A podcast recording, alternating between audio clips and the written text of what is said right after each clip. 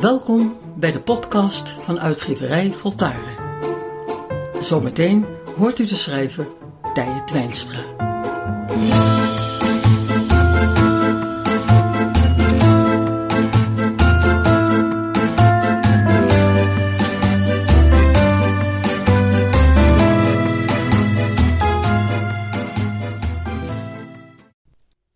Sommige mensen hebben van nature de kunst van het opvoeden in zich.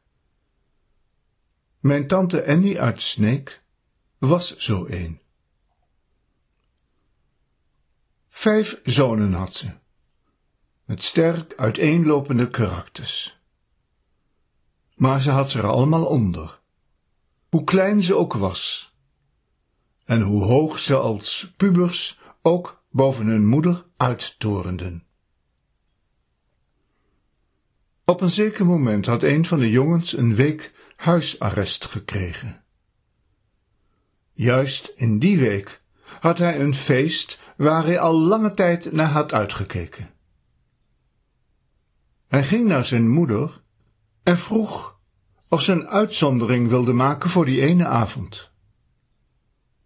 En dat hij desnoods bereid was een extra week huisarrest te ondergaan als hij maar naar het feest zou mogen. Mijn tante keek hem aan en zei, Als je vindt dat ik je terecht heb gestraft, blijf je thuis. Als je echter vindt dat ik je onterecht heb gestraft, of te zwaar, ga je erheen. Het resultaat hij bleef thuis. De kracht van dit verhaal ligt in het vermogen consequent te zijn, maar ook eerlijk, eerlijk tegenover zichzelf en eerlijk tegenover haar kind. En vooral eerlijk tegenover de werking van het geweten, dat geheimzinnige kompas dat bij alle belangrijke beslissingen in ons leven zo cruciaal kan zijn en waarvan deze moeder voelde dat je je kind daar niet vroeg genoeg op kunt wijzen.